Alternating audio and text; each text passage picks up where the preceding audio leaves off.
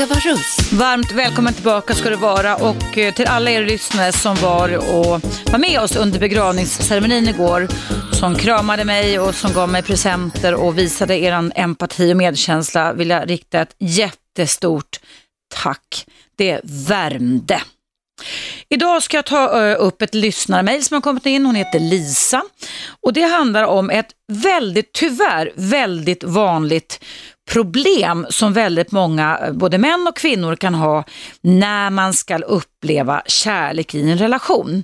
Nämligen det att man dissar de bra männen eller kvinnorna, de blir man inte kär i, utan man blir istället kär i de dumma, idiotiska eller otillgängliga personerna. Jag har ju pratat om detta fenomen förut och eh, jag tycker att det krävs också att man repeterar kunskaperna kring det här för det är ett gissel för väldigt många, både ung som gammal, när man vill få till det i en parrelation. Så jag ska börja med att läsa upp Lisas mail, det kom igår. Det står så här. Jag är 33 år. Jag har i hela mitt liv träffat män som varit otillgängliga, självupptagna och väldigt snygga och karismatiska. Det är ofta lett till att jag haft KK-förhållanden och varit den som tagit initiativ och nu är jag trött på det. Jag vill på sikt bilda familj. Jag har nu träffat en man som är fantastisk. Han gillar mig för den jag är och vi kan verkligen mötas på det intellektuella stadiet. Men, och här kära lyssnare kommer männet då. Jag blir dock inte attraherad. Han har inte det typiska utseende jag tidigare dragits till. Jag stör mig på saker i hans utseende, till exempel att han är skallig. Jag intalar mig att det borde vara mer djup än så, inte haka upp mig på det. Det är ju insidan som räknas. Jag har ingen riktigt bra förebild i en relation. Mina föräldrar har bråkat mycket och har inte varit fysiska med varandra. Kan man lära sig att bli attraherad av någon? Det är alltså frågan från Lisa idag. Kan man lära sig att bli attraherad av någon? Och då blir mitt svar ja.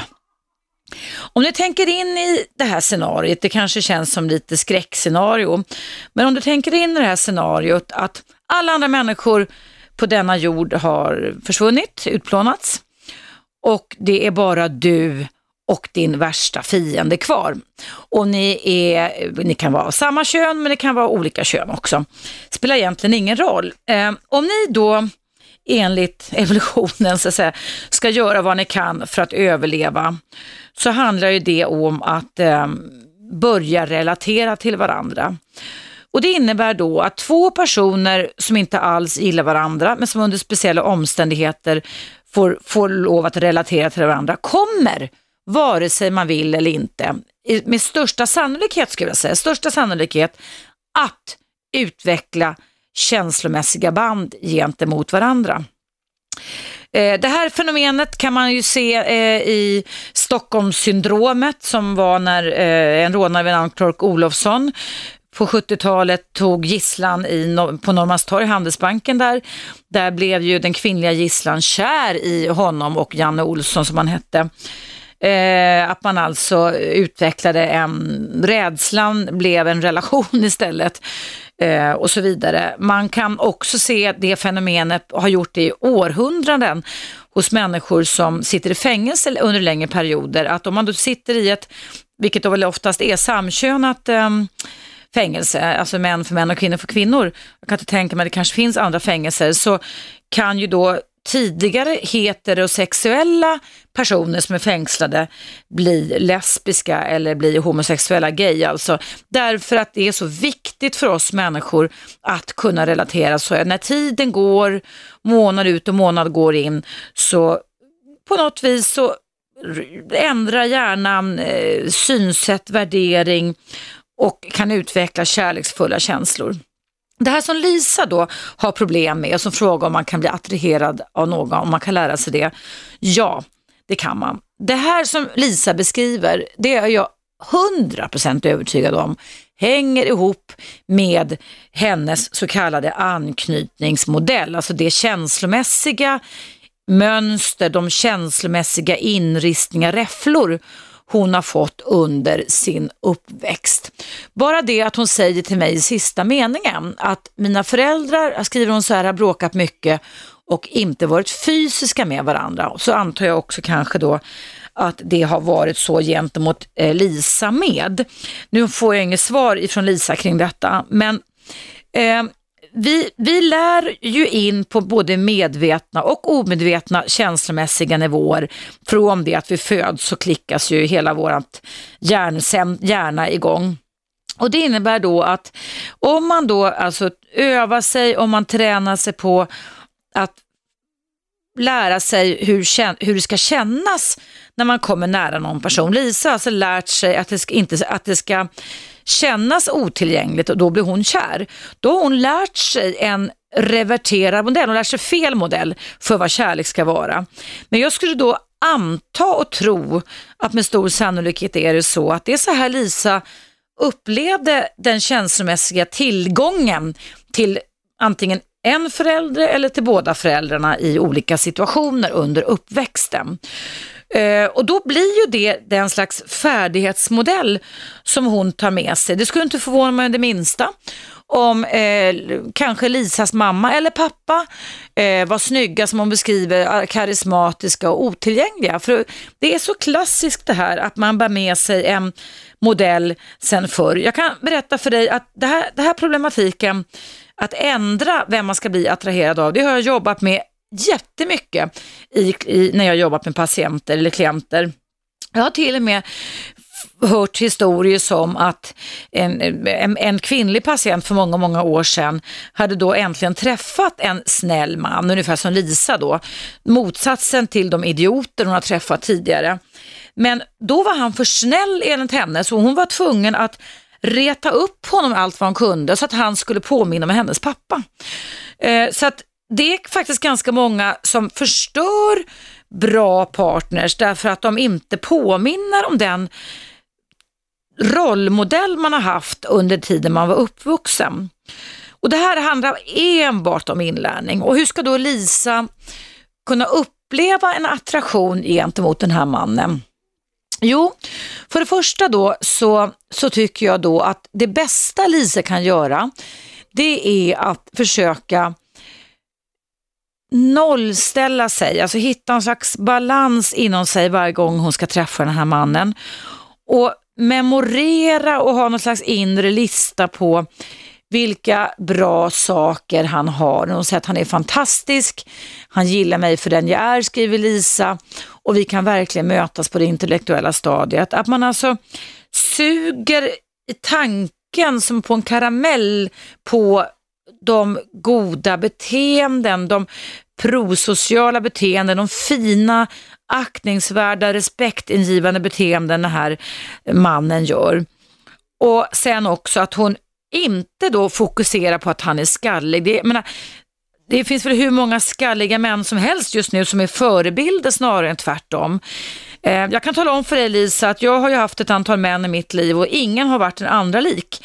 Det handlar mer om att du måste ge akt på när du tänker negativa saker. Ah, där är han skallig eller där är han tjock och där han säger så. Att du tänker stopp och belägg, nu får jag lägga av med det här. Vad har han gett mig för bra sidor? Vad, vad minns jag från vårt samtal igår? Vad har han för ögon? Vad har han för leende? Hur doftar han? Så att titta inte på skalligheten utan titta på andra saker. Jag kan berätta för er att när jag eh, skrev eh, min första relationsbok tillsammans med journalisten Kikki Norman så eh, eh, fick jag coacha henne med en dejt hon hade på den tiden, nämligen då att hon träffade en kille som hon då första eller andra dejterna tyckte var fantastisk, ungefär som Lisa tycker. Men hon tyckte att han hade ful slips och att hans ben var som grodlår. Och så skrev hon faktiskt, men det var alltså inte grodlår, det här var en väldigt snygg och stilig man. Men just då, i hennes inre stress och i hennes förväntningar kan man säga som var styrda sen förr, så blev det här, en, hennes varseblivning, hennes perception blev väldigt förändrad och så kan den bli. Alltså vi kan ju se halvfullt eller halvtomt hela livet om vi vill och vi kan få två helt olika utfall.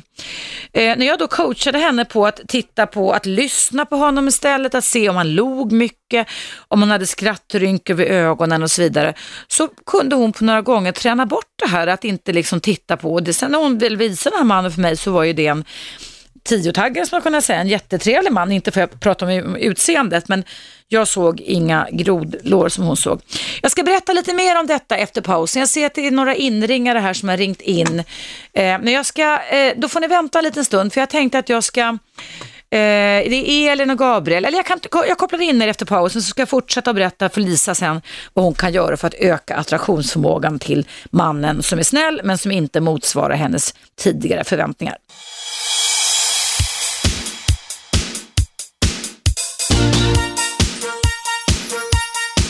Radio 1. Eva Russ. Mycket välkommen tillbaka ska du vara. Ja, jag har innan pausen här eh, börjat coacha Lisa som är 33 år och som blir kär i otillgängliga män, men när hon har en tillgänglig man som blir en inte kär. Och vad jag sa då innan pausen det var att det här går att träna bort. Du får fokusera på andra saker, du får göra jobbet själv lite, så att påverka dina tankar. För återigen, tankar och känslor skapar tillsammans inre bilder och de blir paket som handlar om beteenden. Och så matar du dig själv Lisa med bara att identifiera alla som du tycker just nu tillkortakommanden om det du inte gillar hos den här mannen i utseendet så kommer du att dra det därifrån, då fjärmar man sig. Jag tänker på en av världens som du i alla fall sagt, vackraste skådespelerskor. Sofia Loren, som jag tror en hel världs män på 60 70-talen dreglade efter. Hon ansågs ha timglasfiguren och så vidare.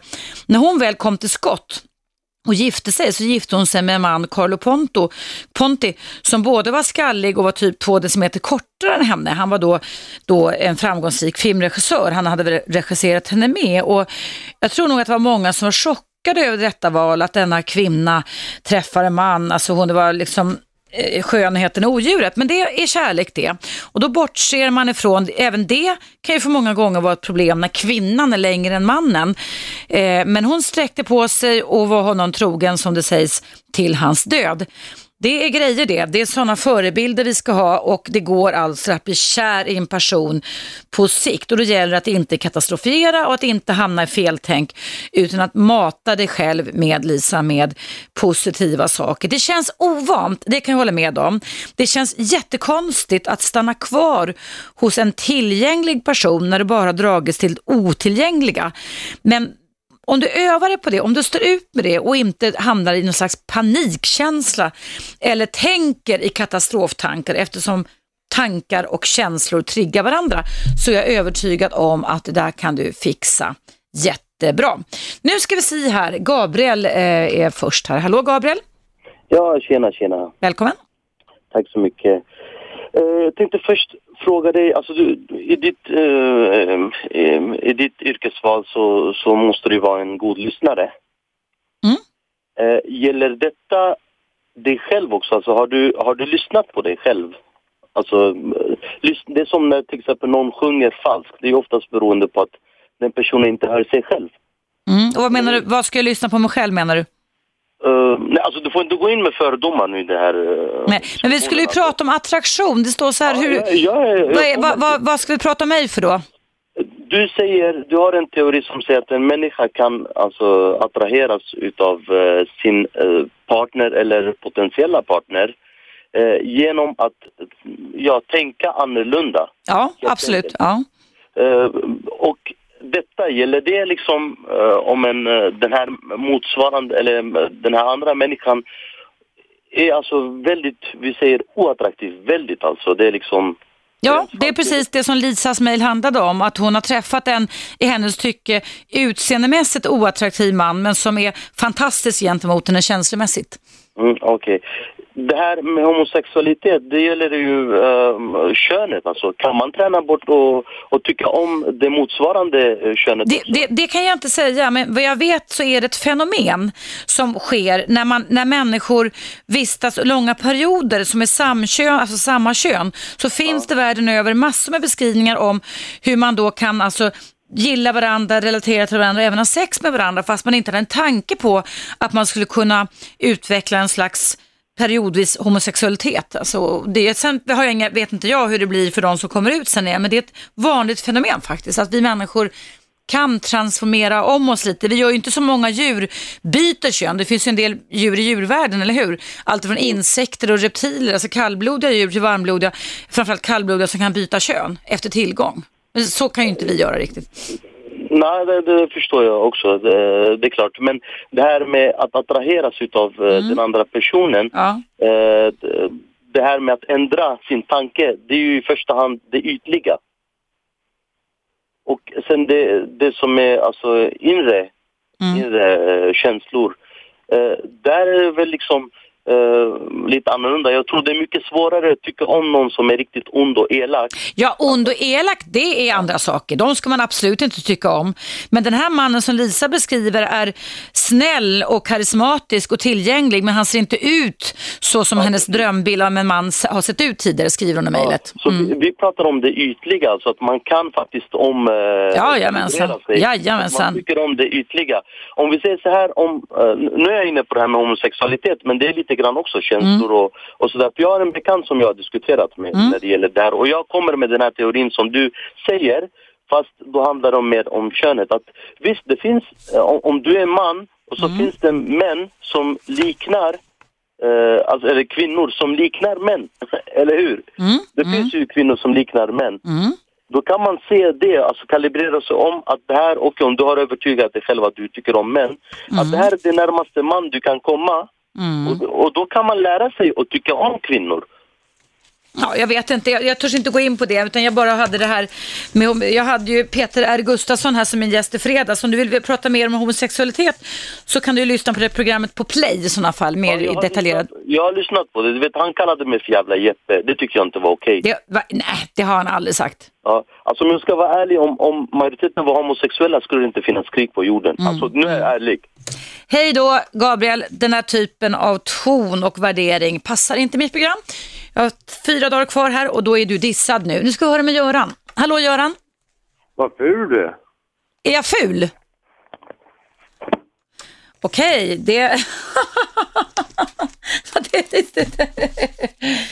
Tack för den Göran, hör du. Men jag tar faktiskt inte åt mig. Jag har ganska gott självförtroende och god självkänsla. Men jag ska fortsätta då och prata om det här med, med att kunna bli attraherad av någon eh, som man inte, en annan typ av människa om man ska säga så, som man inte var attraherad av tidigare.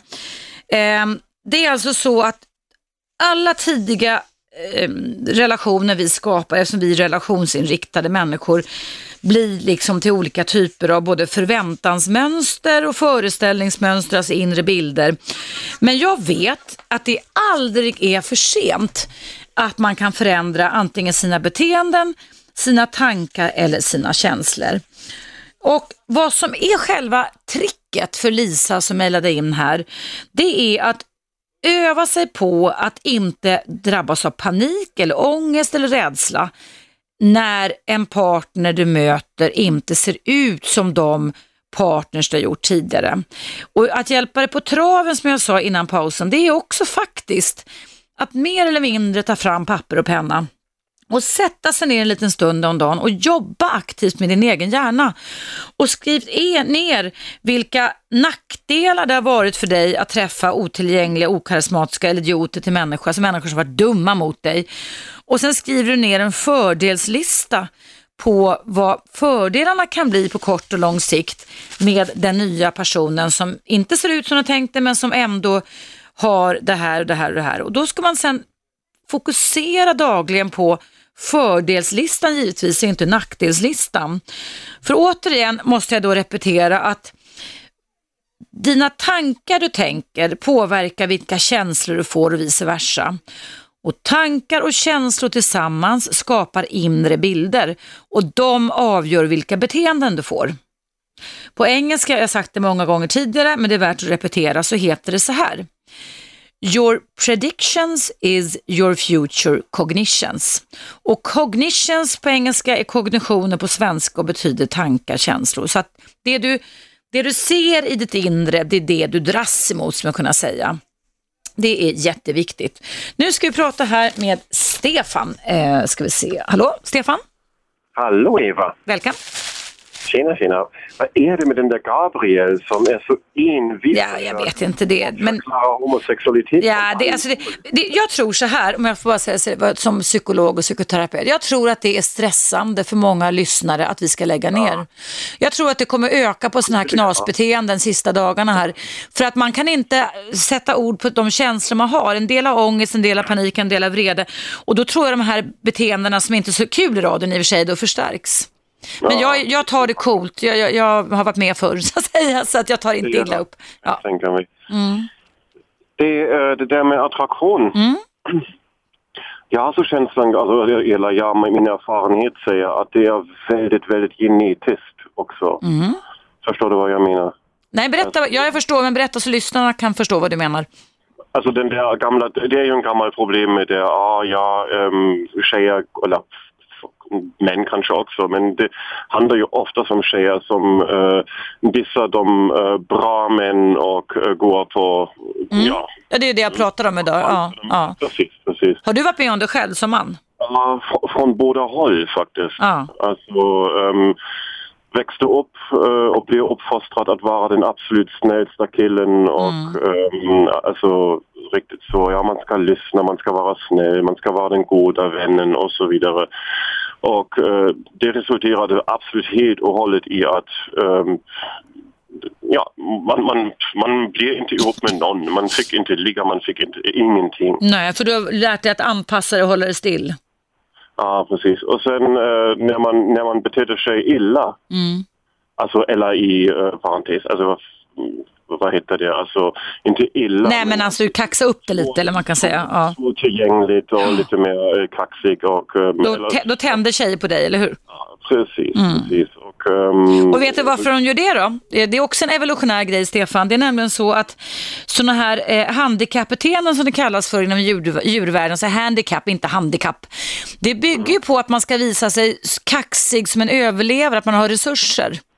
Ja, precis. Och det är exakt... Att man kan lita på att man är stor och stark. Och det är därför må- många handjur i djurvärlden pumpar upp sig, de slåss och de ska visa vem som vinner slagsmålet. Och sen sitter vinnarna, eh, hönorna, tupp, eller hönorna och tigerhonorna, alla väntar och tar den som vann matchen. Liksom, ja. Ja, men också, tydligen är det så att våran uppfattning av vad som. Alltså, det- det är ju den gamla förklaringen, man, man ska typ ligga med alfadjuret. För då, då blir det den... Alfahanna heter det, ja, just det. Mm. Ja, alfan. Och sen äh, ja, ska man ha betadjuret som ska ta hand. Ja, precis. Det var en väldigt konkret och koncis förklaring, Stefan. Att ligg med alfadjuret, men lev med betadjuret. Så, men jag tror också att, att uppfattningen av vad som är alfadjuret, det laggar Ja. hela tiden lite efter. Så um, att, att det nämligen inte är bäst för dig att kanske ha den rikaste och um, eh, den med stor bil och den Ja. med eh, stor plånbok. Att det, det var en gång i tiden, ja okej då har du åtminstone säkerhet för dina um, avkomna. Ja, exakt. Det, det är så det funkar på omedvetna nivåer förstås. Mm. Ja, precis, men det är ju inte så längre. Och Jo, det är så längre. Det är fortfarande så. Ja, alltså, men, På omedvetna nivåer så har vi fortfarande de um, drifterna kvar, men de kommer från det gamla systemet i hjärnan och är väldigt primitiva också. Det Så, det menar. så ju mer smarta vi har blivit som människor, desto mer kan vi snacka oss till rätta. Ja, men vi laggar efter då i vår uppfattningen. Jo, men det var därför jag sa till Lisa att hon kan snacka sig själv till rätta. Så att känner, man kan få attraktion för någon bara man snackar sig själv till rätta. Och det um, håller jag också absolut med om. Man kan faktiskt träna sig. Ja, Alltså både män och kvinnor kan träna sig att um, verkligen kolla på det som är stark och som är, um, ja, en flintskalle till exempel. Kolla på Bruce Willis filmer då. Ja, precis. Kolla på Bruce Willis. Ja, men alltså, Fel, Fredrik Reinfeldt, alltså vi har ju, eh, överallt har vi flintskalliga män. Men eh, eh, så, så, så kan man träna upp sig på det sättet. Man kan också faktiskt bara prata med varandra. Mm, Och berätta för till exempel för partnern, du det här tycker jag, alltså på ett positivt Mm, sätt. säga, Du, jag, jag tänder på när du gör så här. Alltså, eller när, när du har på dig eh, den här skinnjackan. så vidare, Utan att försöka verkligen förändra nu. Ja. Men alltså bara prata. det. Acceptera, acceptera och jobba på det. Du Stefan, vi måste ta en liten paus jag här på klockan. Tack, tack för dina inlägg i denna eh, ganska jobbiga fråga som det är för många människor faktiskt där ute. Tusen tack. Vi måste ta en nyhetsuppdatering nämligen. Ha det så bra. Tack detsamma, hej hej. Hörrni, vi ska ta en nyhetsuppdatering. Du lyssnar på Radio 1. Jag heter Eva Russ och dagens ämne handlar om vad man kan göra. Om du känner igen det kan du ringa nu när man dras till människor som inte är bra för en och istället dissa dem som är bra för en. Numret är 0200 11 12 13.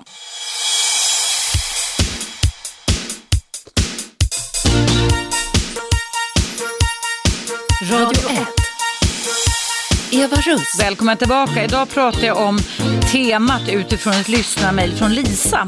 Där det handlar om att man eh, inte känner något för den som är en bra person men man känner väldigt mycket för de som inte är bra för en. Eh, jag hade ett bra samtal här med Stefan innan pausen och vi kom in, både Stefan och jag, på de evolutionära punkterna i människans attraktionsförmåga och jag vill repetera dem lite med dig för det är väldigt, väldigt viktigt. Det är ju nämligen så att från början när vi människor skildes ut ifrån de andra däggdjuren så var vi väldigt eh, lika reptilerna. Vi hade krokodilbeteenden så att säga. Det var eh, ingen kärlek alls, det var ingen medkänsla alls, det fanns ingen empati utan det var pang bong på med rödbetan, försöka föröka oss väldigt mycket och sen slog vi ihjäl varandra allt vad vi orkade eftersom det handlade om territorium och makt.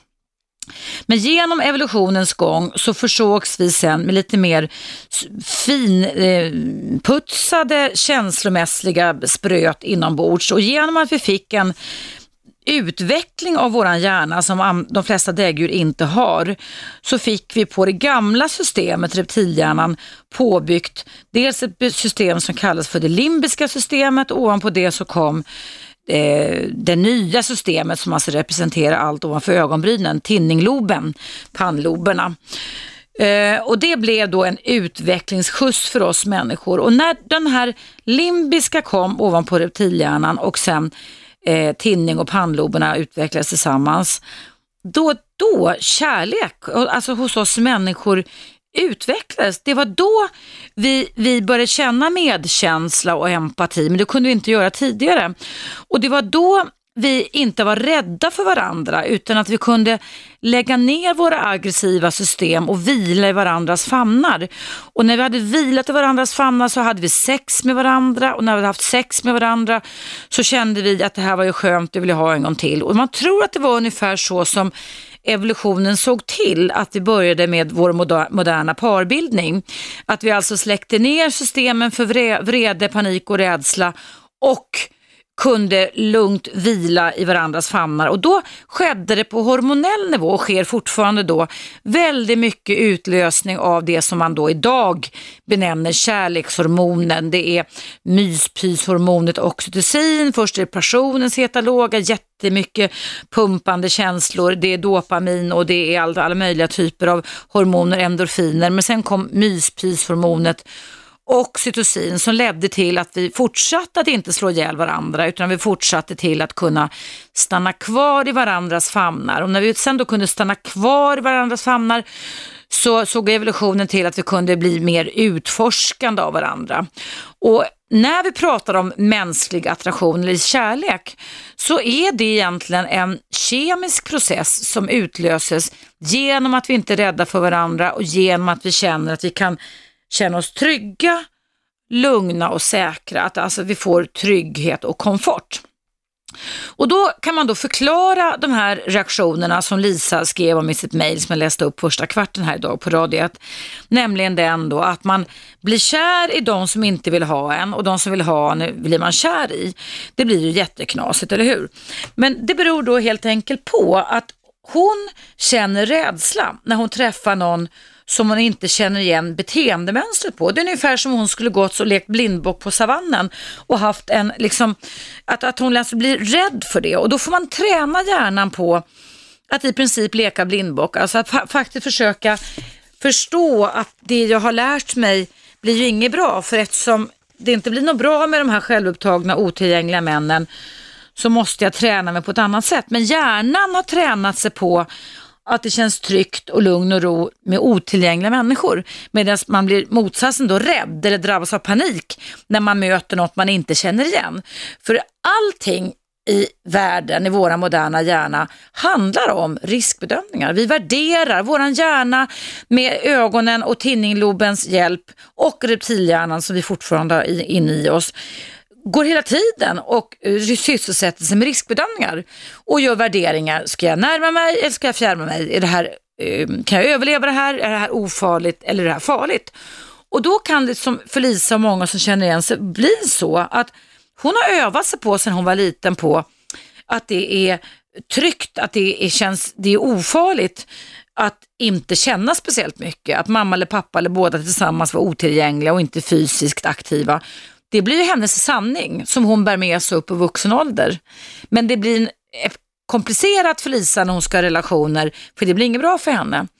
Så då när hon då träffar en man som har alla de egenskaper som man ska ha, alltså man, ska man leva en relation så ska man bry sig om varandra och visa varandra respekt och så vidare och vara deltagande, ha medkänsla, krypa under varandras skinn och så vidare och aktivera spegelneuroner, alltså att man kopplar upp varandras hjärnor för känslomässig givande och tagande gentemot varandra. Så måste hennes hjärna tränas till det. Och alla hjärnor är plastiska livet ut, så du och jag kan träna oss hur mycket som helst och vi kan få fantastiska resultat. Så det handlar om att eh, i min senaste bok Bullshit, de tio dummaste myterna om varför en relation inte kan hålla, så kan jag då läsa lite kort ur mina råd till Lisa och dig som känner igen det här. Till exempel då så kan det vara så att man då eh, inte går in i framtiden så mycket utan bara jobbar på nuet. Att man förstärker det positiva som Lisa träffas åt den här skalliga mannen och släcker ut det negativa. Förstärkning skapar inlärning och det innebär då att fokusera, att man tränar sig på fokuserad uppmärksamhet och det kan alltså skapa göra så att hjärnan kan skapa sig starkare ledningsbanor som likt breda motorvägar kan transportera dig bort eller mot någon annan person. Ehm, så, som jag sa tidigare då, så lista ner alla positiva egenskaper och beteenden och läs på den här listan, memorera den, påminn dig om det här dagligen. Och sen tycker jag också det här som jag ofta sagt här i raden, att tagga ner att dagligen meditera, gå ner i varv och slappna av eller jobba med mindfulness-träning påverkar och dirigerar om rädsla, panik och vrede från reptilhjärnans system och gör att du kan liksom gå in mer emotionellt sansat och träffa en person som du tidigare inte tände på. Sen kan det också vara så då om det är så att du är van vid att eh, inte få speciellt mycket, att då får du träna dig på att liksom göra andra beteenden. Alltså det som du har tränat mycket på ska du göra mindre och sen ska du försöka hitta lite motsatta beteenden, vad du kan göra istället. Um, och Det innebär till exempel att man stannar kvar i en relation eh, även fast det inte känns något konst, även fast man inte känner sig attraherad istället för att göra slut. Och sen är man kvar ett tag i den här relationen så jobbar man med hjärnan och liksom påminner sig själv om det här är bra på, lugna ner sig när man tycker nej men jag kan ju inte vara ihop med någon jag inte känner för. Och, och, så lägger man sig på kvällen och tänker på vilka fina egenskaper den här personen har. Och sen kan jag lova er, dig och er som lyssnar att ganska snart så kommer era hjärnor, eftersom hjärnan är kontaktsökande, våra hjärnor vill relatera. Våra hjärnor vill vara tillsammans med någon, vi vill inte vara ensamma. Sen det behöver inte alltid ha med sex och sånt att göra, men till och med människor som är inlåsta i kloster, som har valt självvald ensamhet, skulle dö där inne om de inte hade Gud att relatera till och varandra att relatera till. Så enkelt är det, det är basics för oss människor. Och därför så är det viktigt att man eh, jobbar på detta och stanna kvar i de situationer som gett upphov till obehaget. Men det gäller givetvis inte om det gäller alltså, dysfunktionella, destruktiva, misshandlande relationer, då ska man lägga benen på ryggen och springa allt vad man kan. Men nu pratar vi om bra relationer där man inte känner något. Och jag lovar er som lyssnar, lovar Elisa, jag tror jag kan räkna upp en 15-20 klienter jag har coachat genom åren som har sagt så nej jag är slut, det här funkar inte, jag kan inte fortsätta. Och så har de kommit till mig för de kände väl kanske ändå att det fanns en möjlighet att få coachning. Och de har fortsatt med de här männen, om det så var grodlår de hade en varseblivning om innan eller att de var skalliga eller fel i hudfärg eller vad det nu kan vara för hjärnspöken som vi låter oss styras av. Så det går, ge inte upp om du har träffat en bra person. Du kan lära dig att tycka om nästan vem som helst. Ja, det är mitt budskap just nu. Det är direktsändning på Radio 1. Jag heter Eva Russ. Nu ska vi ha en liten paus igen, men du kan ringa. Sofia sitter i Slussen 0200 11 12 13 och jag pratar idag med dig om vad man kan göra för att sluta med att dissa personer som är bra för en i relationslivet.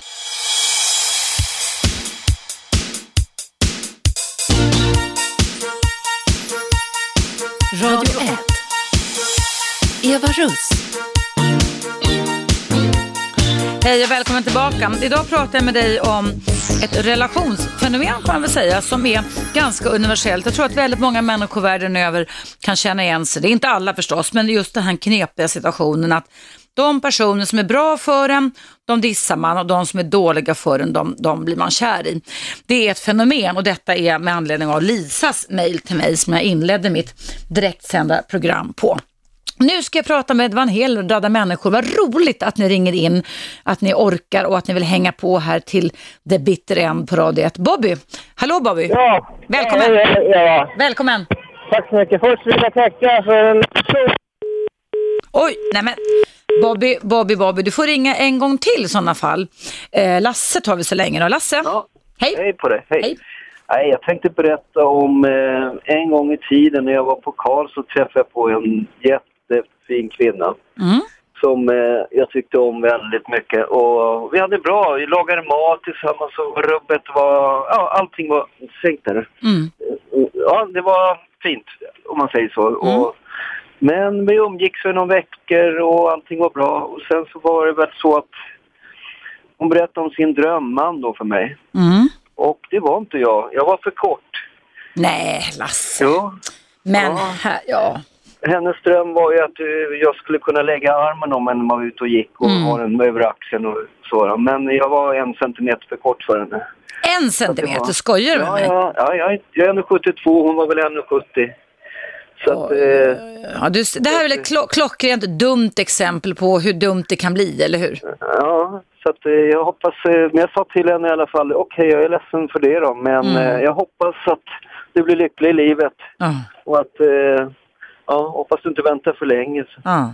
ja, så att, eh, jag vet inte hur det gick. Nej, men det, det, det var, det, det var, jag beklagar att detta inträffade, du verkar ha överlevt det ändå, men det är ju Ja, ett det exempel på hur hennes förväntningar och föreställningar styr henne bort ifrån ett bra kap, om man säger så.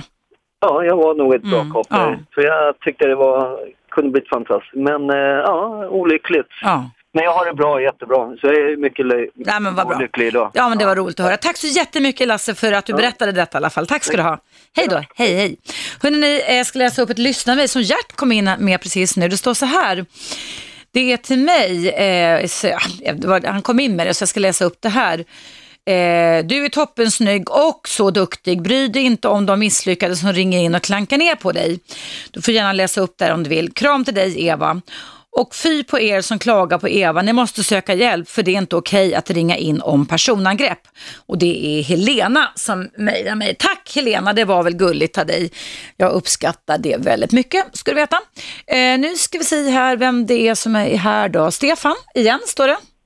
Ja, igen. Ja, hej igen. Hej. Eh, Jag ville bara jättesnabbt be dig att göra lite mer reklam för din bok. Jaha, Ja, eh, har du, har du läst den? Nej, det är därför jag ber dig att göra mer reklam så att jag vet vart jag får tag Ja, i det. nej men då kan jag säga så här, okej. Den här boken kom ut för ja, två månader sedan och den heter Bullshit. Och den tar upp de tio dummaste myterna om varför en relation inte kan hålla. Den är utgiven på Blad by Blad förlag men den går att hitta både på Bokus och Adlibris och allting. Och eh, vadå? d- på de här internetsajterna, Bokus och Adlibris, de här eh, och i Ja, bokhandeln. ja. Mm. Ja, ja. Och en journalist skrev så här på tidningen Må bra på baksidan, Anke Sydegård. Det är en fröjd att läsa något så lättläst om ett ganska svårt ämne och som är så späckat med konkreta råd och tips vad man själv kan göra. Ja, härligt. Och myt, jag kan berätta för dig myterna, för jag kommer knappt ihåg jag har boken framför mig. Står så här, våra känslor för varandra har dött, vi kan inte förlåta varandra. Gräset är alltid grönare, jag kan aldrig förlåta otroheten, vi kan inte kommunicera med varandra längre. Våra problem är olösbara, vi har inget mer att ge varandra. Det är några av de myterna jag tar upp som är typiska myter, liksom, som jag med hjärnforskning och annat eh, förklarar hur man kan skippa de myterna. Nej, det kommer att bli intressant. Ja, kul. Hoppas du kan läsa den. Tack för att du ringde in en gång till. Hej då. Tack, hej. Jag trodde att jag hade berättat för alla er lyssnare det, men alla lyssnar ju inte varenda dag. Nej, den boken är jag väldigt stolt över. Det är faktiskt min sjunde relationsbok. Eh, Min första relationsbok som gjorde att jag blev utnämnd till relationsexpert i tidningen Aftonbladet, det fortfarande är kvar var tredje vecka. Den hette Den ultimata singelhandboken, nya sätt att hitta din drömprins på. Och den skrev jag då ihop med journalisten Kikki Norman och det var alltså tio år sedan. Sen kom jag ut 2005 med en bok som eh, heter Är du gift med en psykopat? Om farlig och förförisk kärlek. Och sen 2006 så kom jag ut med en bok som heter Varför väljer jag alltid fel partner? Och det är ju typ det ämnet jag har idag. 2007 Bli en vinnare med kognitiv coaching. 2009 Relationskoden. 2011 varför hatar män kvinnor som älskar dem? Och sen då den här bullshit eh, så, som kom ut nu i höst. Bullshit. Men jag kommer nog då efter att vi har lagt ner här ta en liten paus, semester, men sen är det nog så att det kliar i tangentfingrarna att, sätta sig, att jag vill sätta mig ner igen och skriva en ny relationsbok. För det är väldigt kul att göra faktiskt. Och jag har ju fått otroligt mycket uppslag genom att du och jag som lyssnar här har interagerat. Eh, har jag fått många idéer. Kanske ska skriva en Radio 1-bok, vad tycker du om det? Om alla de programmen jag har haft eh, och ta exempel ifrån dem. Jag vet inte, det finns en massa möjligheter men nu är det full fart mot fredagen här, eller nyårsafton rättare sagt. Eh, jag ska prata med Lennart. Hallå Lennart! Ja, hallå. Var du, på, var du där nere på ceremonin igår Lennart? Icke sa Nicke. Jag tänkte... Vi letade efter dig, det var många som frågade, är historie-Lennart här nere sa de. Säger du det? Ja, jajamensan. Det ju roligt Mm. att eh, nu kanske jag skulle ha tagit mig dit ner. Men jag, du vet, som du vet så är jag en relativ individualist. Mhm. Jag, jag prioriterade andra saker som jag tog. Det var ju rätt angeläget va, tyvärr. Men, Men det var ganska kul för att i den här stora folkmassan igår Lennart så var det en del så här, här har vi Inga och här är han. Så folk tyckte det var jätteroligt att få Mm. Känna ja. igen vilka det var som hade har ringt in under Absolut. åren. Jag skulle gärna vilja träffa exempelvis Jari, Mm, jag, jag tror inte han var där igår. Matti, Mm, Matti var där, jag hälsade på honom. Eh, Mm. Ulf, Uffe, eh, vad heter den här andra trevliga killen, Bobby. Så det finns ju många inringningar. Mm. Ja, det var fantastiskt. Framförallt Ingegärd tycker jag är en krut. Ingegärd var där, henne träffade jag igår. Ja, vi- visst är det en krut. Och Gunilla, det var jättekul, jättekul. Hon är rolig, spontan. Och jag tycker... Eller Ingvor, Ingvor, jag säger fel, Ingvor träffade jag. Mm. Ingegärd, du träffade inte Ingegärd då? Nej, Ingvor var det, jag sa fel. Ja, just Ja. det. Men Ingegärd gillar jag för att jag tycker hon liksom håller på sin integritet Mm, och hon har en viss hon håller på sina eh, principer och hon är fast? Ja. Mm. i fasthet i sin karaktär tycker jag hon verkar vara väldigt eh, vital dam. Men du Lennart, om vi tar lite kort vi pausen här, om relationer och personkemi står det här. Ja. Du började ju med att tala om Carlo Ponti vet du. Nej, jag sa som ett Och Sofie- exempel att... Sofia eh, Mm, Loren, ja, ja det förstår jag med. Det var ju väldigt, eh, vad ska man säga, som du, du beskrev honom helt korrekt, va? han var ju relativt kortvuxen Mm. jämfört med Sofia Loren då och han var ju skallig och så vidare och han var filmproducent, han var inte regissör. Nej. Och du förstår, när jag åkte till Capri, det är många år sedan, då var jag på fartyget och jag gick ut och tog lite luft. Det blåste lite sådär va, men jag tyckte Mm. var Medelhavet var så vackert blått va, och vi närmade oss Capri. Och då i akten från en utav rederihytterna så kommer, kan du gissa vem? Kom de ut, Carlo Ponto? Carlo Ponti? men Nej. hon kom ut ensam. Sofia Loren? Sofia Loren. Var hon vacker? Och, och jag blev så häpen va? och konfunderad. Och jag, först, vem, vem är den där människan? Kände igen henne. Ja, just det. Jag kunde inte erinra mig vad hon, he, vad hon, eh, hennes namn. Men då sa jag, det är Sofia Loren va? Mm. Och då vänder sig hon om och då log hon lite sådär och nickade, jag hälsade, bockade, ni- nickade lite till henne och log tillbaka. Och så gick hon in. Och då tyckte jag så här att hon gav mig ett förtroendefullt leende. Mm. Jag talade inte om för någon där i sällskapet att jag hade stött på Sofia Nej, då hade väl båten kantrat för alla Nej, hade sprungit till, hade till alla hytten, eller hur? Mm. liksom fladdrat runt där för att få syn på henne. Och det var ett, liksom ett förtroende hon gav mig. Vet. Hon tittade hastigt sådär och så kunde hon på och så fick jag ett leende. Va? Ja. Och då tänkte jag, jag ska inte säga till en enda människa att, att jag har sett Sofia Loren. Nej. Utan det behåller jag i mitt hjärta. Sofia såg ju henne mycket på film. Va? Ja, hon var väl henne. snygg, eller är Hon var snygg. Mm. duktig skådespelerska dessutom. Hon var inte bara Men du Lennart, Lennart vi ska gå mot nyheter nu. Du skulle säga någonting om relationen personkemin, det hann vi inte den här gången i sådana fall. Ja, det här med personkemi är otroligt viktigt. Mm. Va? Trivs man med en människa, det känner man nästan direkt. Men kemin uppstår, vi, Ja. person, det uppstår i hjärnan och det uppstår när vi är vänliga mot varandra, när vi visar Ja, att vi precis. bekräftar varandra och tycker om, vill varandra väl. Alltså prosociala Ja, beteenden, det utlöser go- god belöningskemi, sexuell Ja. kemi, lugnande kemi i hjärnan. Ja, det finns ju Vet många vet, jag måste, vi måste ta en paus Lennart, I'm so sorry. Ja, vi får höras... över pausen. Okej, vi hörs efter pausen så kommer här, vi lyssnar på Radio 1. Jag pratar idag med dig om sådana tyvärr ganska vanliga beteenden att man eh, dissar eh, bra personer när man ska träffa en relation och hellre hissar människor som inte är något bra för en. Och det här beror på inräfflade eh, mönster i hjärnan som man kan träna bort. Har du upplevt det? Jag efterlyser lite tjejer som ringer in. Just nu är det bara män och det är inte bara, det är jätteokej, men finns det inga tjejer som har erfarenhet av det här? Det var ändå Lisa så vars mejl jag läste upp eh, här första kvarten på Radio 1. Numret är 0200 11 12 13, du vet att du kan vara anonym. Och eh, mejladressen till mig är evaradio1 gmail.com. Men just nu så ska du få en nyhetsuppdatering på Radio 1.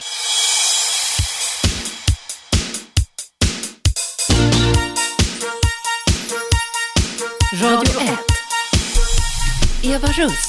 Jajamensan, det är jag det. Det är direktsändning och du och jag har en hel timme till, nästan, här på Radio Dagens ämne handlar om relationsknepigheter när eh, man utmålar drömprinsen eller drömprinsessan till någon som inte vill ha en. Det är i alla fall så som Lisa upplevde det, att hon blir kär i karlar som är distanserade och när hon väl träffar en karl som inte är det, då blir hon inte kär.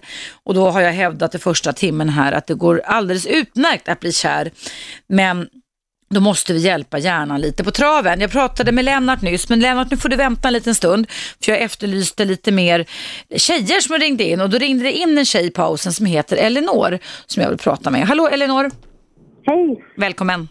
tack. Jag är en sån tjej. Bra, berätta vad du, vad du gör och vad du upplever för någonting. Nej, men jag fungerar väl så att jag faller hejdlöst för karlar eller killar som, som eh, inte är li, lika bra Mm. för mig. Eh, jag får inte den där attraktionen Nej. med snälla. Vad är det, är du medveten om att det är så eller blir du medveten om det just nu när jag pratar om det i radion? Nej, jag är medveten om det, men jag vet inte hur, hur man ska ändra det. Jag Kan- träffar killar som är snälla. Ja, hur, hur länge, hur gammal är du? 31. 31, ja. Och vad, kan du ge något, något exempel för mig och lyssnarna? För, vad är det för konkreta, specifika beteenden som för kanske andra skulle bli en trigger till att man går, men som gör att du är närmare istället? Eh, det här lite... Eh, att, att de eh, tjafsar emot lite. Inte tjafsar, men, men eh, att... vad ska man säga? Eh, lite nonchalanta beteendet. Mm. Ehm, ja, att... att, att jag vet inte hur jag ska förklara det. Men, ja, men jag tror att jag förstår. Att man, ja, att, att de, de, de, vis, de vill visa för dig på något sätt att du inte är så himla viktig, men samtidigt så håller de dig på halster lite genom att de tjafsar lite med dig, för då känner du att du är lite viktig i alla fall för dem, eller hur? Ja, något sånt. Och då blir du kär. får- Och då ty tycker ja, du att det är... jag får Nej. jobba lite för det. Ja. Jag, ja. Ja. Och sen då, när du väl har blivit ihop med någon nonchalant kille eller någon som tjafsar emot, vad är det mer för beteende som gör att du håller dig kvar då? Eh, alltså jag, jag är rädd för att bli lämnad. För att Mm. det här är väl problematiken, att jag Ja. inte går. Ja. Ehm, så. Ehm, och jag är en sån där en, inbiten, att envis eh, tjej som tänker att jag kan förändra det här och, Mm. och så. Mm. Ehm, Har du gått hittills då? Nej. Nej. Och det kan jag tala om för dig att det är det enda som kan tala för det, det är att personen själv inser att jag måste förändra mina beteenden. Men att man ska försöka för, ge sig på att förändra någon annans beteende, det är ganska lönlöst. Om det inte gäller barn eller att man står i en uppfostrad situation, det är en annan grej tycker jag. Eh, Men det här har vi ju typiskt så kallat schema, Elinor, som du pratar om, nämligen övergivenhetsschemat. Som, som är en föreställning sen förr som gör att du har rädslor. Du sa att du var rädd att bli lämnad. Du har rädslor. Eh, hur var din anknytning till dina föräldrar när du var liten då? Eh, Jag hade en, en sån här som passade in i det där schemat. Min mamma var sjuk, Ja. missbruk och eh, min pappa och hon separerade när jag var sex. Mm. Ehm, Så att eh, ja, det stämmer ganska bra överens. Ja, så, så du, du, fick passa dig själv lite och du fick eh, ta hand om dina egna känslor och du fick träna dig på att känna att du var lite övergiven och då, då kan ju det tangera de män när du träffar i vuxen ålder, El- Elinor, att de ser dig men de dissar dig och då blir du lite kär. Alltså, men, men, för, för det kan vara så du har upplevt det ömsom då och då under barndomen. Om din mamma har varit dålig och missbrukare så kan jag tänka mig att det har varit väldigt skakigt. Ja, absolut. Och då Jag, din... jag kan ju känna att de relationer jag har haft Ja. har ju samma känsla som jag hade när jag var... Där har vi det. Ja, där har vi det. Det här blir ett rent terapisamtal. Det- Elinor, det kostar ingenting. Där ser du precis va. Det där är precis så det blir. Och det är ju det du känner igen, eller hur? Ja. Men då är det bara Elinor, eller bara bara, men alltså om du lyssnar på mig nu, alltså det, är, det här går att förändra. Men då behöver man träna sig på att förstå att det, de känslor du har idag leder inte mot en bra person, förstår du? Utan de leder det bort mot en, inte en dålig ska jag inte säga, men någon som inte passar dig i alla fall. Eh, och det är där det är då viktigt till exempel att göra en lista på hur ska man bete sig, eller vilka tecken finns det för att eh, kaka söker maka, alltså att, att någon är intresserad av mig. Och då kan jag säga direkt att vara nonchalant, det är in, inte ett prosocialt beteende. Nej. För det är ett dissande beteende, eller hur? Ja, verkligen. Och då bockar man av den typen av kille. Bara så, nej, bock, out you go. Och även om det känns hjärtskärande inombords, för det gör det, då kan man drabbas av panik och katastrofkänslor och tankar. Så får du lita på mig Elinor, för det har jag jobbat med jättemycket och säga nu hör jag Evas röst här inne i min hjärna, för det är det här jag ska göra. För det här kommer bli bättre för mig. va? Ehm, och sen ska du, eh, om det sen är någonting mer, vad är det mer de kan göra mot dig när du lever med en kille som, som, där du får känslor som du påminner från barndomen? Där du stannar kvar hellre. Finns det något mer?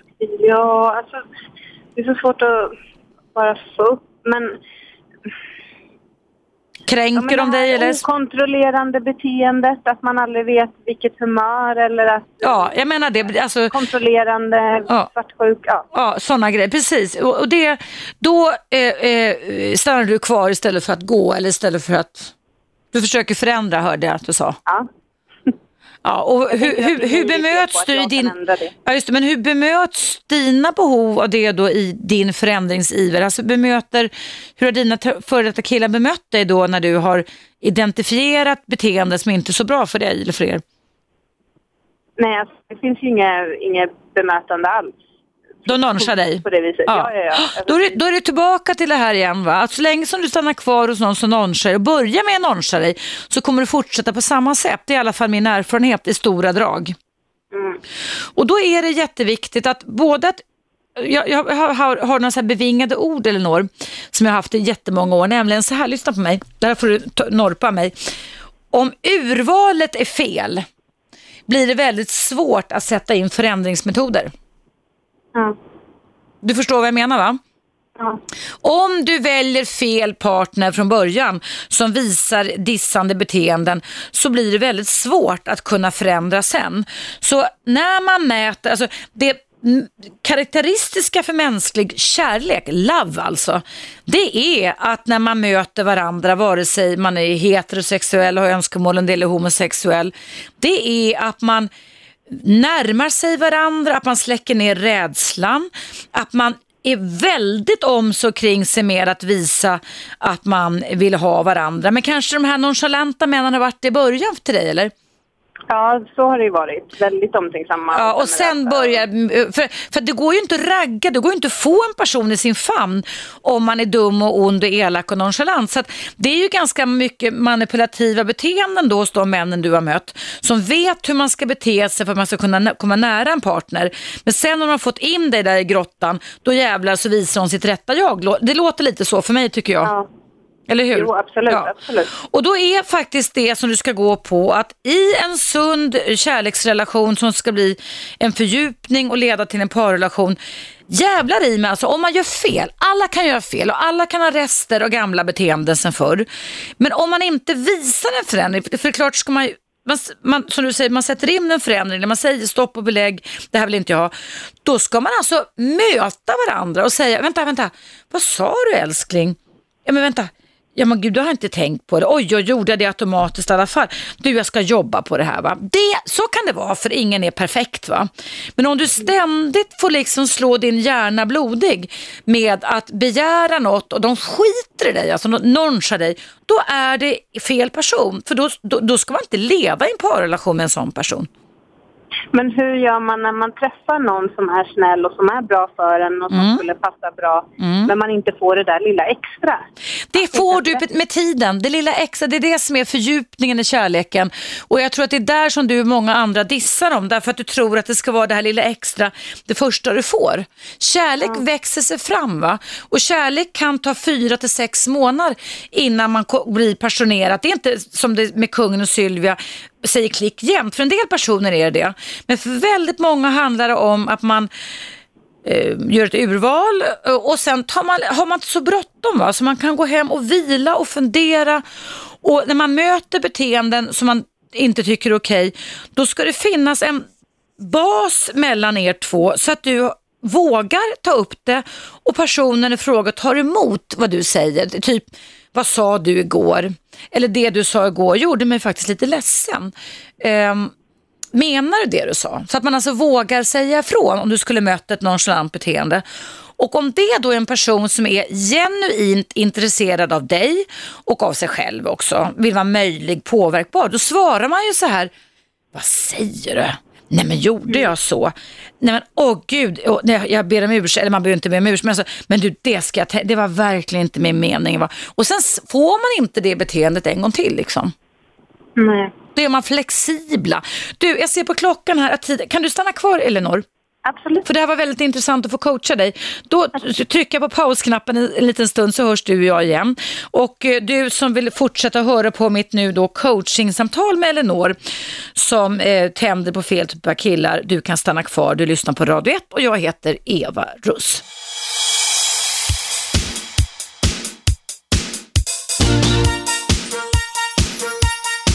Radio 1. Eva Russ. Välkommen tillbaka. Idag pratar jag om eh, att vi kan förändra våra beteenden när vi eh, dras till personer som inte är bra eller ger oss den kärlek som faktiskt alla människor förtjänar. Eller vad säger du Elinor? Ja. du, eh, eh, jag, jag, tänker så här då att när, när man ska eh, gå in i en sund relation, då ska man vara intresserad av varandra, man ska vara mån av varandra. Och det har vi fått alltså, beteenden genom evolutionen. Om du tänker dig den här filmsnutten som alltid kommer klockan tre på julafton. Lady Lufsen kan du se framför dig, eller hur? Mm, ja. När han puttar över, eller det kan vara motsatta könet också om vi ska vara korrekta då, puttar över köttbullen. Alltså det är lite sådana beteenden vi ska ha i våra relationer. Vi ska tänka till och vi ska visa omtanke och medkänsla. Mm. Så gott vi går. Vi pratar inte om pengar utan vi pratar om omtanke och medkänsla. Och, och därför så är det ju ett möte i en relation och som, som jag sa innan pausen, ibland kan man ju säga dumma saker eller göra dumma saker, så är det. Och det är en väg eh, när man lär känna varandra. Men fortfarande är det så att man ska inte stå där och vara stöddig och säga, det skiter jag om du tyckte jag nonchalerade, det skiter jag det är mitt beteende, punkt slut. Va? Alltså, då, då är det en varningsklocka tycker jag. Mm. Eller om de inte säger så, men de gör så. Så att om de gång på gång skiter i dina behov, fast du signalerar att det här är dina behov, då är du fel typ av person. Då har du träffat en rigid person som egentligen är ganska ointresserad av det, som bara vill spela sitt race och göra sitt race. Och därför Ja. när du då gör ett ur, internetdejter eller Elinor, eller vad gör du för någonting? Nej, inte i dagsläget. Bra. Jag har, jag har en jag träffar nu. Bra, bra. Ja, det är bra. Men alltså då ska du liksom ställa frågor och vara aktiv. Och liksom när, när ni har setts lite så kan du liksom dra dig själv lite tillbaka och tänka så okej, vad, vad väckte det här nu för tankar och bilder? Är det någonting där? Inte så att du ska liksom kritisera, det är inte det jag menar, men inte gå in och vara helt avstängd och bara ta det som det är, utan var lite aktiv i hjärnan och fundera, kan jag, okej, vad, vad lärde man om honom eller henne idag då? Mhm, okej.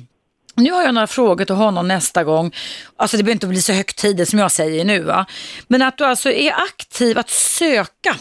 Att söka och utforska och att du också märker att han är aktiv i att utforska dig. Mm. Att det finns ett intresse. Så att det inte bara är ett stort ego du träffar som berättar om allt vad man har gjort. Och sen ställer, eh, på slutet, jag har mött sådana män någon som säger, "Ja, och du då? Och sen när man börjar prata, "Nej, jag ska berätta om mig själv igen. Va? Det är ju inget möte liksom. Nej. Så att även om du då eh, skulle dejta eller fortsätta dejta den här killen eller träffa någon ny så måste du identifiera eh, de beteenden som inte har lett in i en bra relation sedan tidigare. Okej. Och sen givetvis försöka se om du kan eh, påpeka detta på något sätt. Va? Men, men, men ehm, att, vad ska Det här säga? är en bra kille. Ja, bra. Men det är det här att huvudet och mitt, mitt huvud och mitt hjärta, Ja. det finns ingen koppling. Så du, så du är inte så kär i honom då eller? Alltså jag tycker jättemycket om Ja. honom och jag har tänkt på honom. Vi har känt varandra ett tag nu, Ja. väldigt länge. Eh, och, och han finns med och har alltid funnits med i bakhuvudet och jag tycker om honom Mm. Ja. väldigt mycket. Och vi har samma värderingar och Mm. vi... Väldigt bra kille. Eh, men det där lilla extra som jag haft förut när jag gått in i en relation, Mm. Ja, det jag har inte fattar. kommit än. Nej, men det, ko- mycket- det kan komma. Det kan komma och det kommer oftast, Elinor. Börja att mata dig själv och din hjärna med allt det som du rabblade upp här i radion om hans fördelar. Mm. Och tänk på honom, använd visualiseringar, dagdröm. Får jag vara så in, in ja, får, får jag, törs jag fråga om ni har haft sex med varandra än? Nej, det har jag inte. Nej, för att även där kan man ju hjälpa till på hjärnan med att Tänk dig hans kropp, tänk dig hans händer, tänk dig hans doft. Tänk du visualisera dagtid eh, så kan ett förspel ofta starta även för, mest för kvinnor men också för män nästan ett dygn innan. Va? Så att du tänker sexiga fantasier kring en på något sätt. Okej. Jag lovar att det går. Och reducera allt vad du kan ditt kritiska tänkande. Mm. Och Ja, försök bara vara... Ja. kritisk. Ja, ju, verkligen. va. Och när ni väl kommer till skott och har sex med varandra, då är det i nuet, det är inte i doet och det är inte i framtiden. För du behöver ta så här myrgång fram, alltså slamkrypare och gå jättelångsamt fram för att inte trigga igång din inprogrammerade övergivenhetsrädsla och känslor som du har sedan förr. Okej, så det är rätt att ta det långsamt. Absolut, det är skitbra. Skitbra. Mm. Kanon. Vad kul, jag hoppas att det går bra för dig och jag kommer ju ha kvar min mejladress på tag här ett tag framöver på Radio 1 så att du kan om du vill ha mer coaching året in, innan vi, året tar slut så kan jag hjälpa dig om det skulle vara något som du dyker upp på, något problem du dyker in i. Snällt, tack. Ja, lycka till då länge. Ta- Tack för, tack för att jag fick coacha dig. Ja, tack. Tack. Hej, hej. Hörrni, det var eh, Eleanor. Vill du lyssna på våran, eh, vårt coachingsamtal i repris så kan du rätta in 101,9 klockan 20.00 igen. Dagens tema handlar om relationer förstås och det handlar om hur man ska göra. Här fick ni konkreta råd från mig då hur man ska göra när man eh, träffar en perfekt person, eh, i dina ögon perfekt person, men man tycker inte att man är attraherad och då kan jag lugna dig och säga att attraktionen kommer med tiden. Men du måste hjälpa till att hitta den lite själv också. Nu ska jag prata med Ann-Marie. Jag eh, bad ju några kvinnor ringa in så där får Lennart och även Ingvar vänta lite. Sen tar jag Valle. Hallå Ann-Marie, Hej Eva. hur är det med dig? Nej, inte bra. Gråter Det är du? inte alls bra. Jag, Jag hör det. Vad är det som har hänt? jag visste inte vem jag skulle ringa till. Ja. Vad är det som har hänt? Kan du berätta? Vi har ju pratat många gånger. Ja, jag känner igen din röst. Ja. Mm. Och jag har ett särboförhållande som är inne på det åttonde året. Mm. Och i, igår så bara bröt, bröt han alltihop. Och han är så snäll så han är inte den här tuffa typen. Mm. Och jag var chockad igår Eva och idag så blev det verkligt. Men Du, har du fått någon föraning om, nu byter vi sig lite ämne men det är helt okej Ja, som du är på tråden, men, Ja. men jag tänker, vad, vad, har det funnits någon förvarning från hans sida överhuvudtaget på att han ville dra sig ur er relation Ja. eller? Nej, han blev, han blev lite dålig i, i somras och fick såna här restless legs då va. Ja, det, just det, det har du berättat för mig. Ja, och sen så fick han börja med medicin som var då Madopak-liknande för Mm. eh, Parkinson då. Och då tyckte jag han blev så trött i början och kunde sova när som helst och, Mm. och sådär och inte kontaktbar och sådär ibland och, Mm. och så. Så jag tänkte att det var medicinen och biverkningarna och så. Men sen så har jag varit väldigt dålig. Min sjukdom är höst och sådär. Men jag tyckte det var så konstigt för att han har inte han började ett nytt schema på sitt jobb så han började femskift och när jag ringde så svarade han inte och, och när han svarade nej jag var i affären eller jag har somnat och så här va och så har det varit hela hösten och inget samliv eller någonting vilket vi har alltid haft jätte jätte jättebra och eh, och sen då så fick jag reda på att han skulle jobba hela julen och nyår. Mm. Och, eh, men han frågade inte mig, ska du, ska du sitta själv eller kommer barnen hem eller någonting? Och jag tyckte det var så konstigt va. Mm. Och sen så för att för 14 dagar sedan lite drygt så ringde han till mig och sa att vi skulle gå på en stor julmarknad och då ringde han och sa att han skulle hoppa in för en arbetskamrat. Så, så jag sa vi kommer ju inte att ses någonting över hela jul säger jag, eller hela december nu och vi, det betyder så mycket för mig och så. Ja, och efter det samtalet så hörde han inte av sig på 13 dagar. Men här har du väl verkligen det jag pratade med, med Elinor om, ett nonchalant Ja. beteende alltså. Ja, och då så, och jag ringde en gång sen för jag tänkte han kanske, han kanske behövde vila ett tag. Jag tänkte jag ska inte vara liksom sådär och ringa och fråga utan Ja. jag tänkte nu får han ringa och höra liksom för han hörde att jag blev jätteledsen. Så jag ringde och så, och så sa jag och då svarade han inte och sen så skrev jag ett litet brev och sa det att nu måste du berätta vad som har hänt och så. Och, för jag kan inte tänka mig att mina oförrätter står inte i proportion till att du inte hör av dig. Och sen så hörde han av sig så sa han nej jag kände inte för att svara när du ringde och, och så. Och sen så ringde han igår och sa att eh, han bara känner vänskapskänslor och att jag var svartsjuk och Eva jag har aldrig varit svartsjuk. Då skulle jag aldrig kunna haft ett distansförhållande i Nej, nästan nej, åtta nej. år Eva. Men du, jag beklagar verkligen detta, men, vet. men här låter det verkligen som att även du har låtit honom ha ett fjärmande beteende utan att du har reagerat på det. Det här har ju pågått under en ganska lång tid. Ja. Och frågan är hur, hur, du, hur, hur du ser på dig själv. Alltså, det låter som att du fått ganska dåligt med respekt och eh, har han brytt sig om dig överhuvudtaget på något sätt? Liksom? Är han en sån person? Jo, eller? har han. Ja, han visar, jo, alltså han har varit, han har visat nå, så jättestor omsorg om mig och, och mina barn och alltid varit där och alltid funnits där och, och så. Men sen så ibland så har jag väl tänkt så här att nej men det här, det har inte ibland känts som Ibland har jag frågat honom när jag varit sjukskriven, kan jag följa med dig hem så jag så slipper jag vara ensam hemma. För ibland kan jag inte riktigt gå så där va. Mm. Var svårt att ha jätteont och så. Han har aldrig liksom sagt att nej, under det här året. Han har aldrig sagt så här, nej nu, nu Ann-Marie följer du med mig hem för du ska inte behöva vara själv hemma. Det låter som att du har fått tigga om kärlek i den här relationen tycker jag.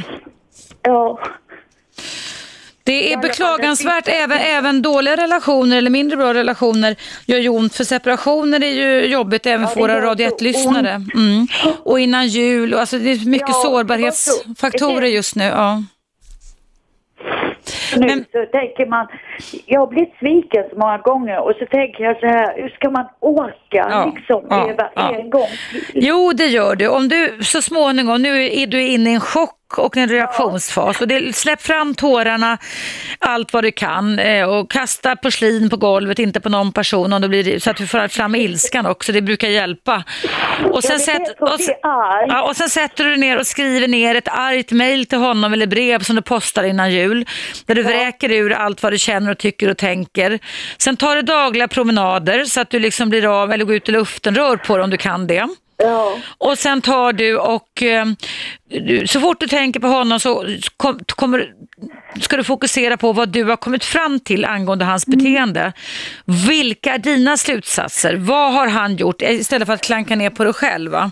ja, det är det att jag har så lätt att se att det är jag. Mm. Jo, jag förstår det. Men du behöver jobba med din självkänsla och eh, inte ta emot sån här skit längre.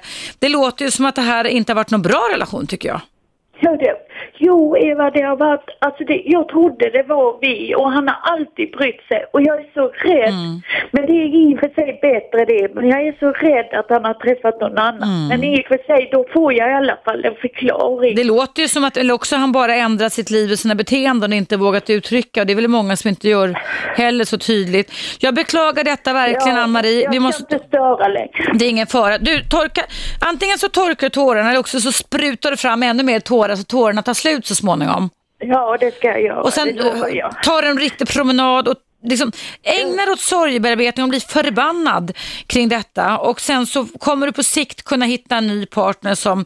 eh, Men jag tycker att de här fjärmande beteendena du beskriver tycker jag har varit signaler på fara i er relation från hans sida. Ja, och sen är jag alltid för snäll. Ja, det är du. det jag menar också. Det ska du få, inte fortsätta med att vara, Ann-Marie. Vi måste ta Nej, det ska jag inte. Stor, stor kram till dig så länge. Tack för att du ringde in. kram på dig. Hej, hej, då. hej. Hörrni, det är dags för en nyhetsuppdatering. Jag heter Eva Rust och lyssnar på Radio 1.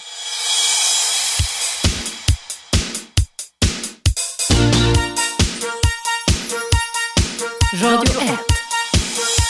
Eva Russ.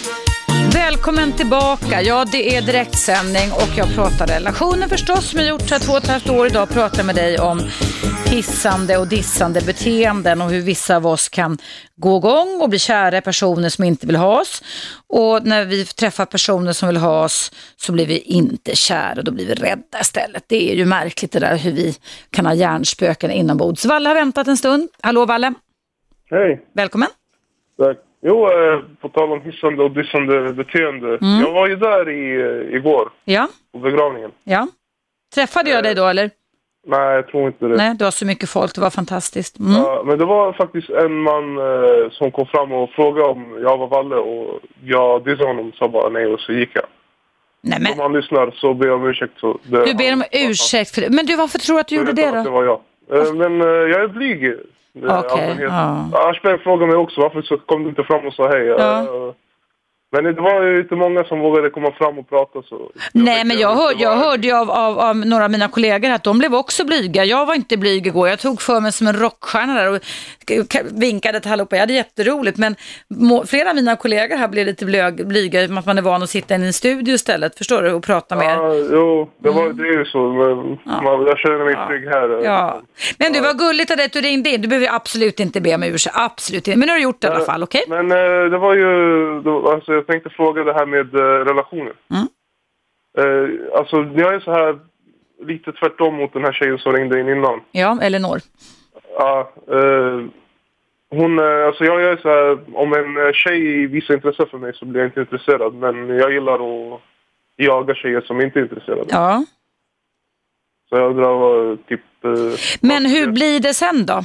Blir, vi, brukar du vinna med din, din, din en, enträgna uppvaktning då? Brukar du övertyga henne om, blir, vänder hon om och faller i dina armar sen eller vad händer? Ja, både ja och nej. Ja, Men, ja. eh, Men det där är ju också lite alltså sådär, så, sådana beteenden har ju vi människor. Eh, och de har ju också på luckras upp eftersom det genom århundraden i alla fall, sedan den romantiska diktningen och tryckkonsten kom på 1600-talet varit så att man uppvaktar kvinna och inte tvärtom. Men idag har vi ju luckrat upp det där väldigt mycket, eller hur? Ja, jo. Men eh, alltså, jag, jag menar, det, är det fel eller? Är Nej, det tycker jag inte så länge som det funkar för dig och så vidare. Alltså, ibland får vi jaga ibland behöver vi inte jaga. Så ser livet ut på den moderna savannen också faktiskt. Okej. Ja, men det, det blir som att eh, jag tappar intresse ifall någon så här, Vill ha dig. Ja, men eh, så, här, typ faller pladask, typ mm. skriker jag är singel, jag är singel, titta här, titta här, titta här. Ja, då blir det så här, ja, ja. Det, alltså, du får väl se upp så att det inte blir för mycket tappa intresse-dejter du har. Ja.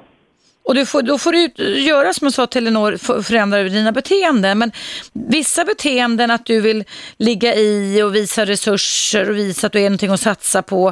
Eh, det är ganska vanligt hos ganska, ganska många. Va? Det är inte alltid så att det blir exakt samma timing på när man blir förälskad i varandra.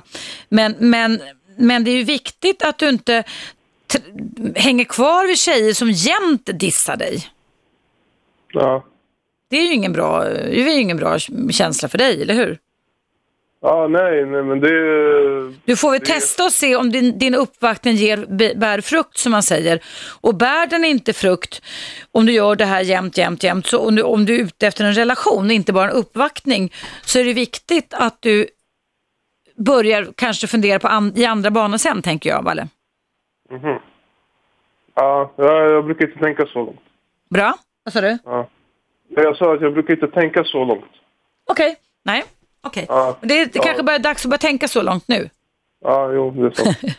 Du, tack så Okej. jättemycket för att du ringde in och tack för att du lyssnat på Radio 1. Det var Valle det. Anna har väntat en stund. Hallå Anna! Anna la på. Hörrni, nej, men då gör jag så att jag tar en liten eh, paus nu. Eh, du lyssnar på Radio 1. Jag heter Eva Russ. Efter pausen ska jag prata med dig Mattias. Det står här att du vill ha råd om en kompisrelation och det ger jag så gärna dig råd kring om jag kan. Eh, 0200 11 12 13 om du vill prata även efter att jag pratat med Mattias om tid finns så kan du ringa nu i pausen som kommer här på Radio 1.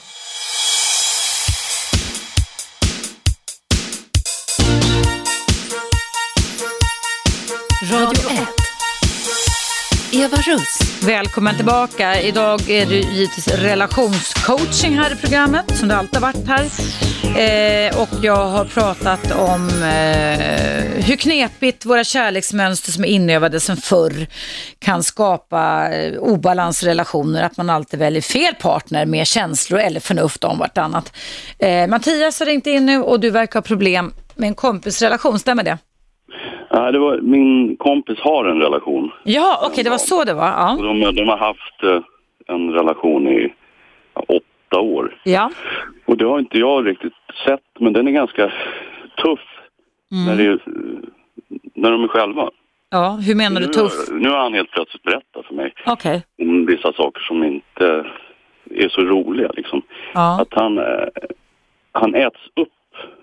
Han är en väldigt schysst, givmild människa Mm. som eh, hjälper till jämt. Liksom. Mm.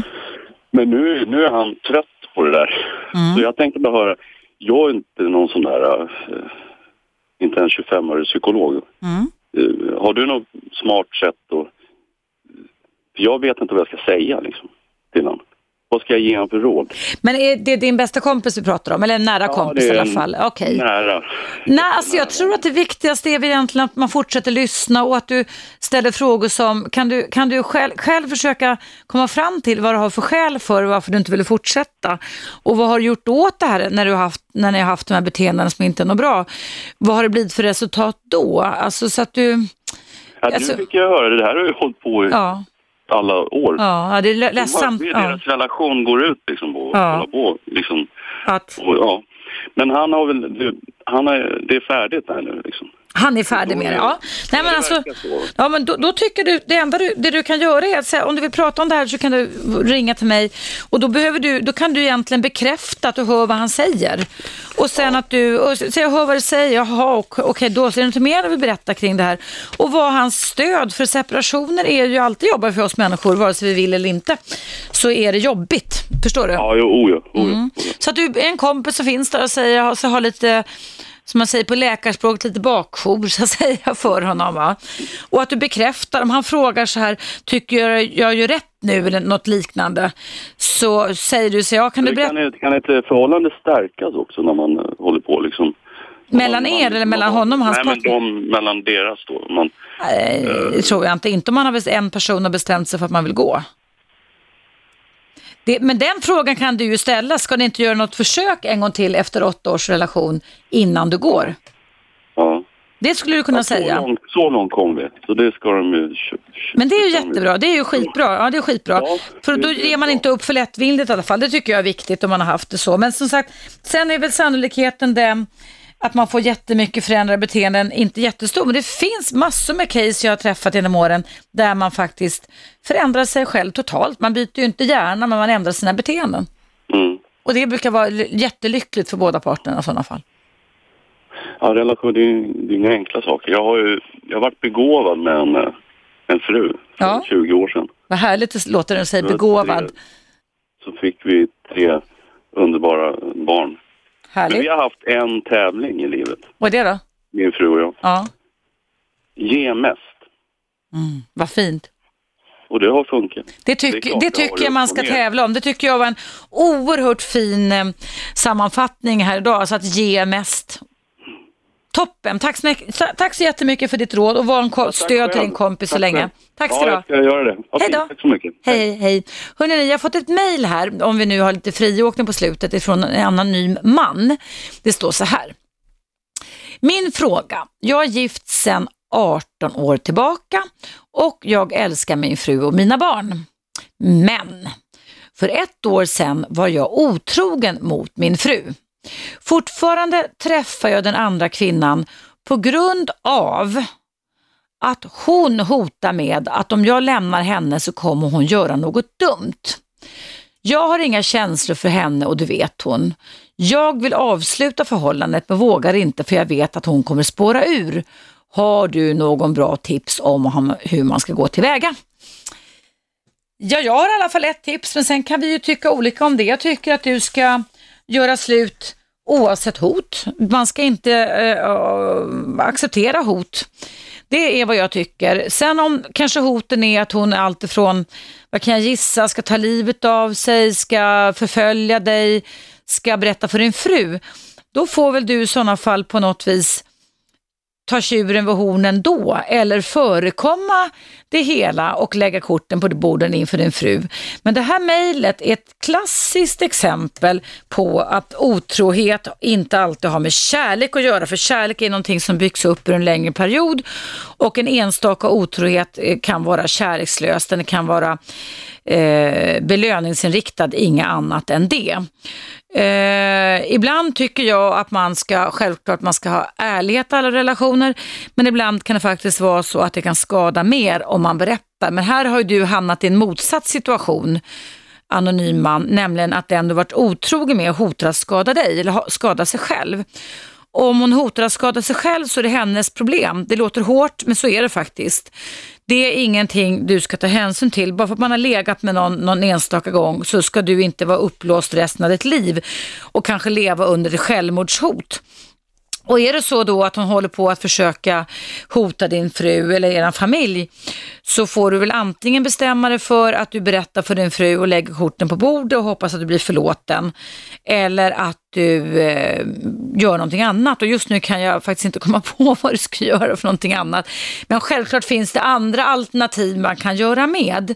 Men att leva sådär va, eh, det här är ju lite kaninkokerskan, det såg ni det var en film, Farliga förbindelser. Eh, den är ju precis på det här sättet när Michael Douglas då eh, träffar, var det inte Glenn Close tror jag.